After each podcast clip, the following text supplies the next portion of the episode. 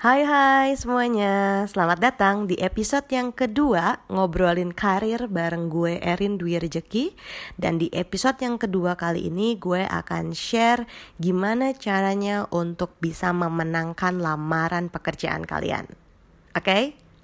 Nah, pertanyaan gue nih Pernah gak sih kalian mengalami udah apply sana sini tapi masih belum dapat juga kerjaan?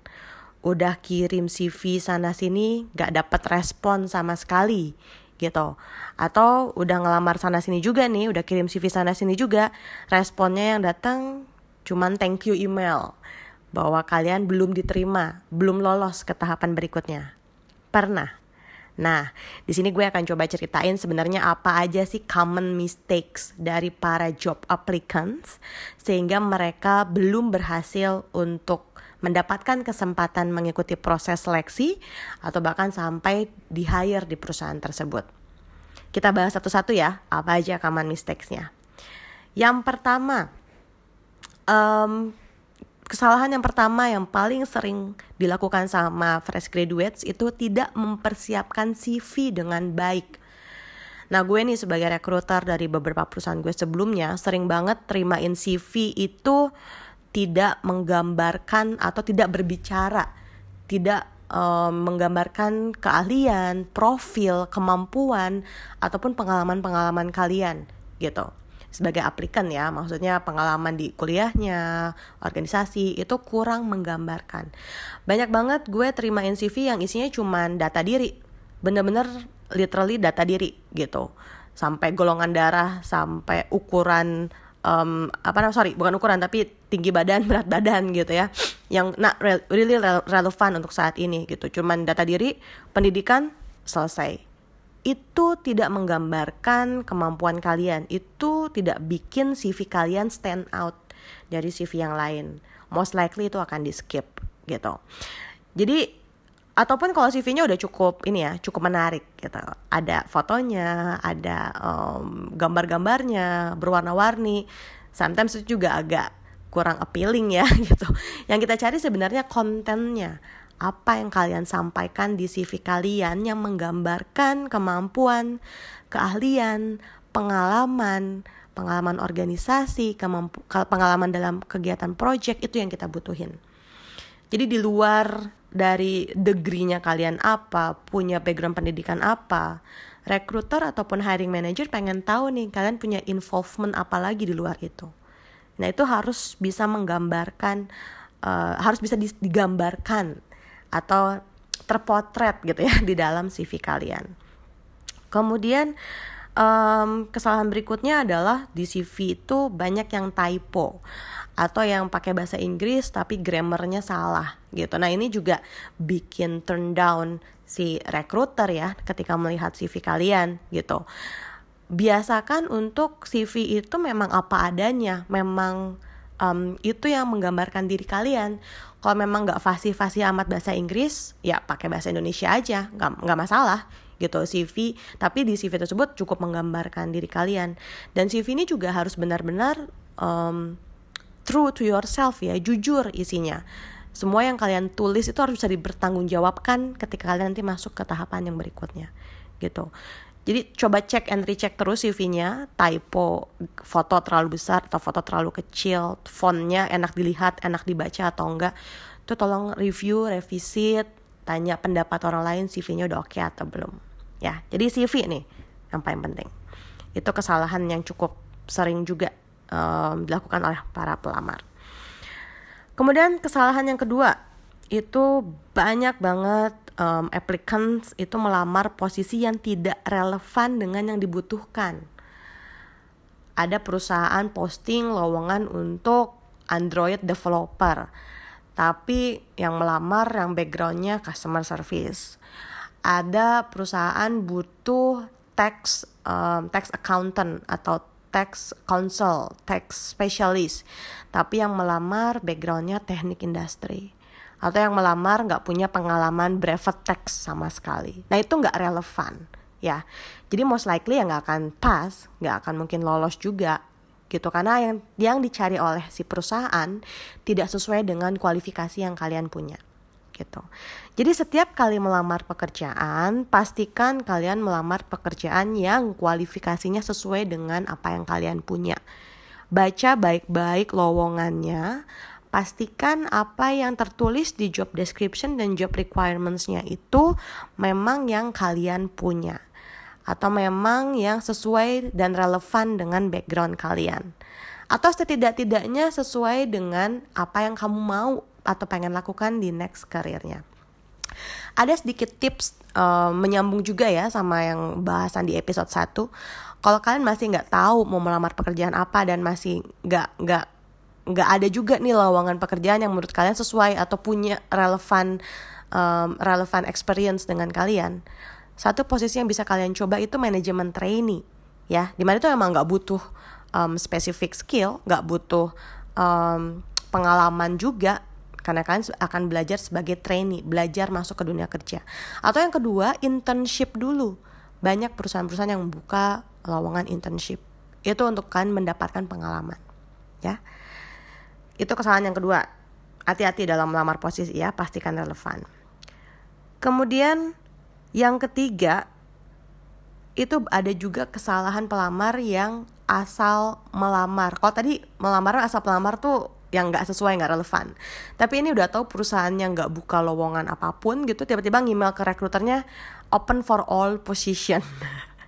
Nah ini um, yang gue bilang di episode pertama ya self aware gitu kan harus tahu sebenarnya kalian punya dasar apa punya fundamental background apa gitu. Kalau kalian datang uh, melamar ke suatu perusahaan dan bilang posisi apa aja deh pak? Lowongan apa aja deh pak saya mau melamar. Most likely sih itu nggak dilirik ya. Kalaupun dilirik ujung-ujungnya kalian cuma ngerjain hal-hal yang ternyata kalian juga nggak suka gitu. Jadi um, better tahu dulu mau ngelamar apa.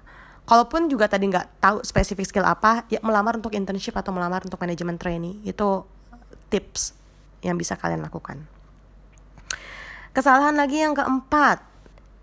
Emailnya copy paste atau email uh, ngelamar itu juga um, rombongan dikirim tuhnya ke semua alamat email rekruter. Nah ini um, ya mungkin um, apa ya um, sangat um, bersemangat untuk melamar pekerjaan. Tapi hati-hati karena um, rekruter atau perusahaan juga akan merasa dihargai jika kalian bisa personalize CV atau email yang ditujukan ke perusahaan tersebut gitu. Apalagi kalau copy paste kemudian isi emailnya nggak kalian edit. Jadi ngelamar ke perusahaan B tapi isi lamaran dan isi uh, cover letternya masih untuk perusahaan A. Nah itu hati-hati tuh. Itu juga kesalahan yang common banget. Karena saking buru-burunya buat melamar mungkin ya nggak nggak sempat untuk ngedit itu harus hati-hati. Nah kemudian kesalahan yang kelima adalah setelah ngelamar, setelah kirim CV, masukin lamaran lewat job portal, lewat LinkedIn, terus udah cuman duduk santai aja menunggu panggilan. Nah, itu juga salah. Coba connect dengan orang-orang yang bekerja di perusahaan yang kalian lamar. Connect dengan HRD-nya gitu ya coba build network dengan um, karyawan yang udah ada di sana atau mungkin ada teman kalian di sana minta rekomendasi um, minta bantuan teman kalian untuk bisa merekomendasikan kalian ke si HRD-nya ke rekruternya bahwa hey teman saya melamar itu kan bisa menjadi rekomendasi gitu. Teman kalian bisa kasih good words tentang kalian ke rekruternya dan nantinya bisa menjadi apa ya namanya di uh, prioritizing. Nanti akan diprioritaskan untuk uh, mengikuti proses seleksi gitu. Connect sama si uh, recruiter ataupun juga orang-orang yang bekerja di perusahaan yang kalian tuju itu bisa lewat LinkedIn ya. Kalian bisa nggak tinggal cari siapa aja pekerja di perusahaan tersebut kan connect sama mereka. Kalau berhasil connect sama mereka sampaikan bahwa hey saya melamar ke perusahaan uh, anda. Mungkin boleh dibantu untuk rekomendasikan ke um, recruiter Anda saya melamar untuk posisi apa gitu. Itu build networking juga. Jadi jangan cuma sit down kemudian tinggal nungguin aja. Sabar is a good thing, tapi juga perlu ditambah dengan usaha. Ya. Kalau memang belum jodohnya di perusahaan tersebut, jangan patah semangat, lamar lagi ke perusahaan yang lain. Nah, itu beberapa kesalahan yang sering dilakukan oleh para pelamar dan tadi udah gue kasih um, sedikit tips-tips juga, trik-trik juga untuk bisa overcome kesalahan-kesalahan tadi, memperbaiki kesalahan-kesalahan tadi, ya. Nah, semoga dengan memperbaiki kesalahan-kesalahan tadi, chance kamu untuk bisa mengikuti proses seleksi di perusahaan yang kamu lamar semakin terbuka. Tapi perjuangannya belum selesai ya, belum berhenti cuma sampai ngirim, ngirim lamaran aja terus dipanggil untuk ikut proses seleksi. Perjuangan berikutnya adalah how to win your interview process or the selection prosesnya. Nah, ini juga banyak banget kesalahan yang common dilakukan oleh si uh, pelamar gitu. Jadi setelah berhasil nih ya aplikasi kalian diterima, lamaran kalian diterima oleh um, perusahaan tersebut, terjadilah proses um, seleksi yang pertama. Baik itu misalkan kalian langsung diundang untuk datang ke perusahaannya atau mendapatkan undangan untuk phone interview. Kayaknya very common saat ini ya banyak banget uh, dilakukan via phone interview untuk proses seleksi yang pertama. Initial phone interview biasanya disebutnya. Nah, setiap mendapatkan atau pada saat kamu mendapatkan undangan untuk melakukan baik phone interview ataupun interview datang langsung ke si perusahaan tersebut, um, ensure kalian punya waktu untuk mencari tahu terlebih dahulu tentang perusahaannya gitu ya. Misalkan si um, rekruternya tiba-tiba telepon atau rekruter kirim email um, arrange time untuk bisa ngobrol sama kamu ensure kamu bisa punya waktu untuk cari tahu dulu tentang si perusahaan tersebut dan ensure juga kalian bisa respon dengan cepat terhadap si um, undangan tersebut. Jadi yang pertama harus kalian lakukan um, merespon terhadap undangan yang um, disampaikan dari perusahaan tersebut, gitu ya. Dan kalian spare kira-kira waktu yang pas kapan buat kalian bisa ngobrol sama rekruternya, sama um, yang mengundang kalian. Kalau jadwalnya sudah disampaikan kayak dua hari sebelum, it's more than enough ya waktu buat kamu cari tahu tentang perusahaannya. Jadi langsung respon aja kamu bisa datang ke perusahaannya. Atau kalau misalkan phone interview minta waktu 15 minutes 30 minutes untuk um, bisa do phone interviewnya gitu. Nah ini kesalahan yang paling sering terjadi ketika kamu tidak mempersiapkan diri kamu pada proses initial interview ini ataupun pada proses seleksi yang pertama gitu. Banyak applicants itu yang um, belum tahu dengan detail atau belum tahu banyak tentang industri ataupun juga tentang posisi yang dilamar gitu. Ketika udah dapatkan kesempatan untuk masuk ke proses seleksi, ini harus kalian um, ambil kesempatannya dengan baik gitu ya. Jadi yang pertama harus kalian lakukan adalah cari tahu dengan detail, browsing sebanyak-banyaknya, cari tahu tentang perusahaannya, saat ini excitement atau saat ini perkembangannya apa aja, ada berita-berita apa saja tentang perusahaan tersebut, gitu ya. Kemudian juga um, cari tahu tentang posisi yang kalian lamar, gitu. Kalian melamar posisi apa, job descriptionnya apa, kualifikasinya apa, itu coba kalian remind lagi, cari tahu lagi, pelajari lagi, sehingga ketika pada saat proses interview itu kalian tidak blank. Um, karena banyak juga yang gue temuin ketika rekrutmen gitu ya um, interviewing candidates itu yang justru saya pengen tahu mbak ini perusahaannya apa ya? Lah kemarin ngelamar untuk posisi apa ya? Gitu. Jadi um, hati-hati. Karena ini first impression yang kalian bangun terhadap si recruiter. First impression yang kalian bangun terhadap perusahaan yang kalian lamar. Gitu setelah kalian siap nih ya, udah siap, udah cari tahu semua, udah fasih deh nih bisa dibilang gitu. At least udah tahu gitu misalkan. Pada saat masuk ke proses seleksinya, pastikan jangan terlambat ya. Kalau datang ke kantornya, kalian pastikan datang 10 menit sebelumnya. Kalau sempat survei dulu um, lokasi kantornya, lokasi interviewnya, survei dulu deh supaya bener-bener nanti nggak terlambat. Jangan terlambat.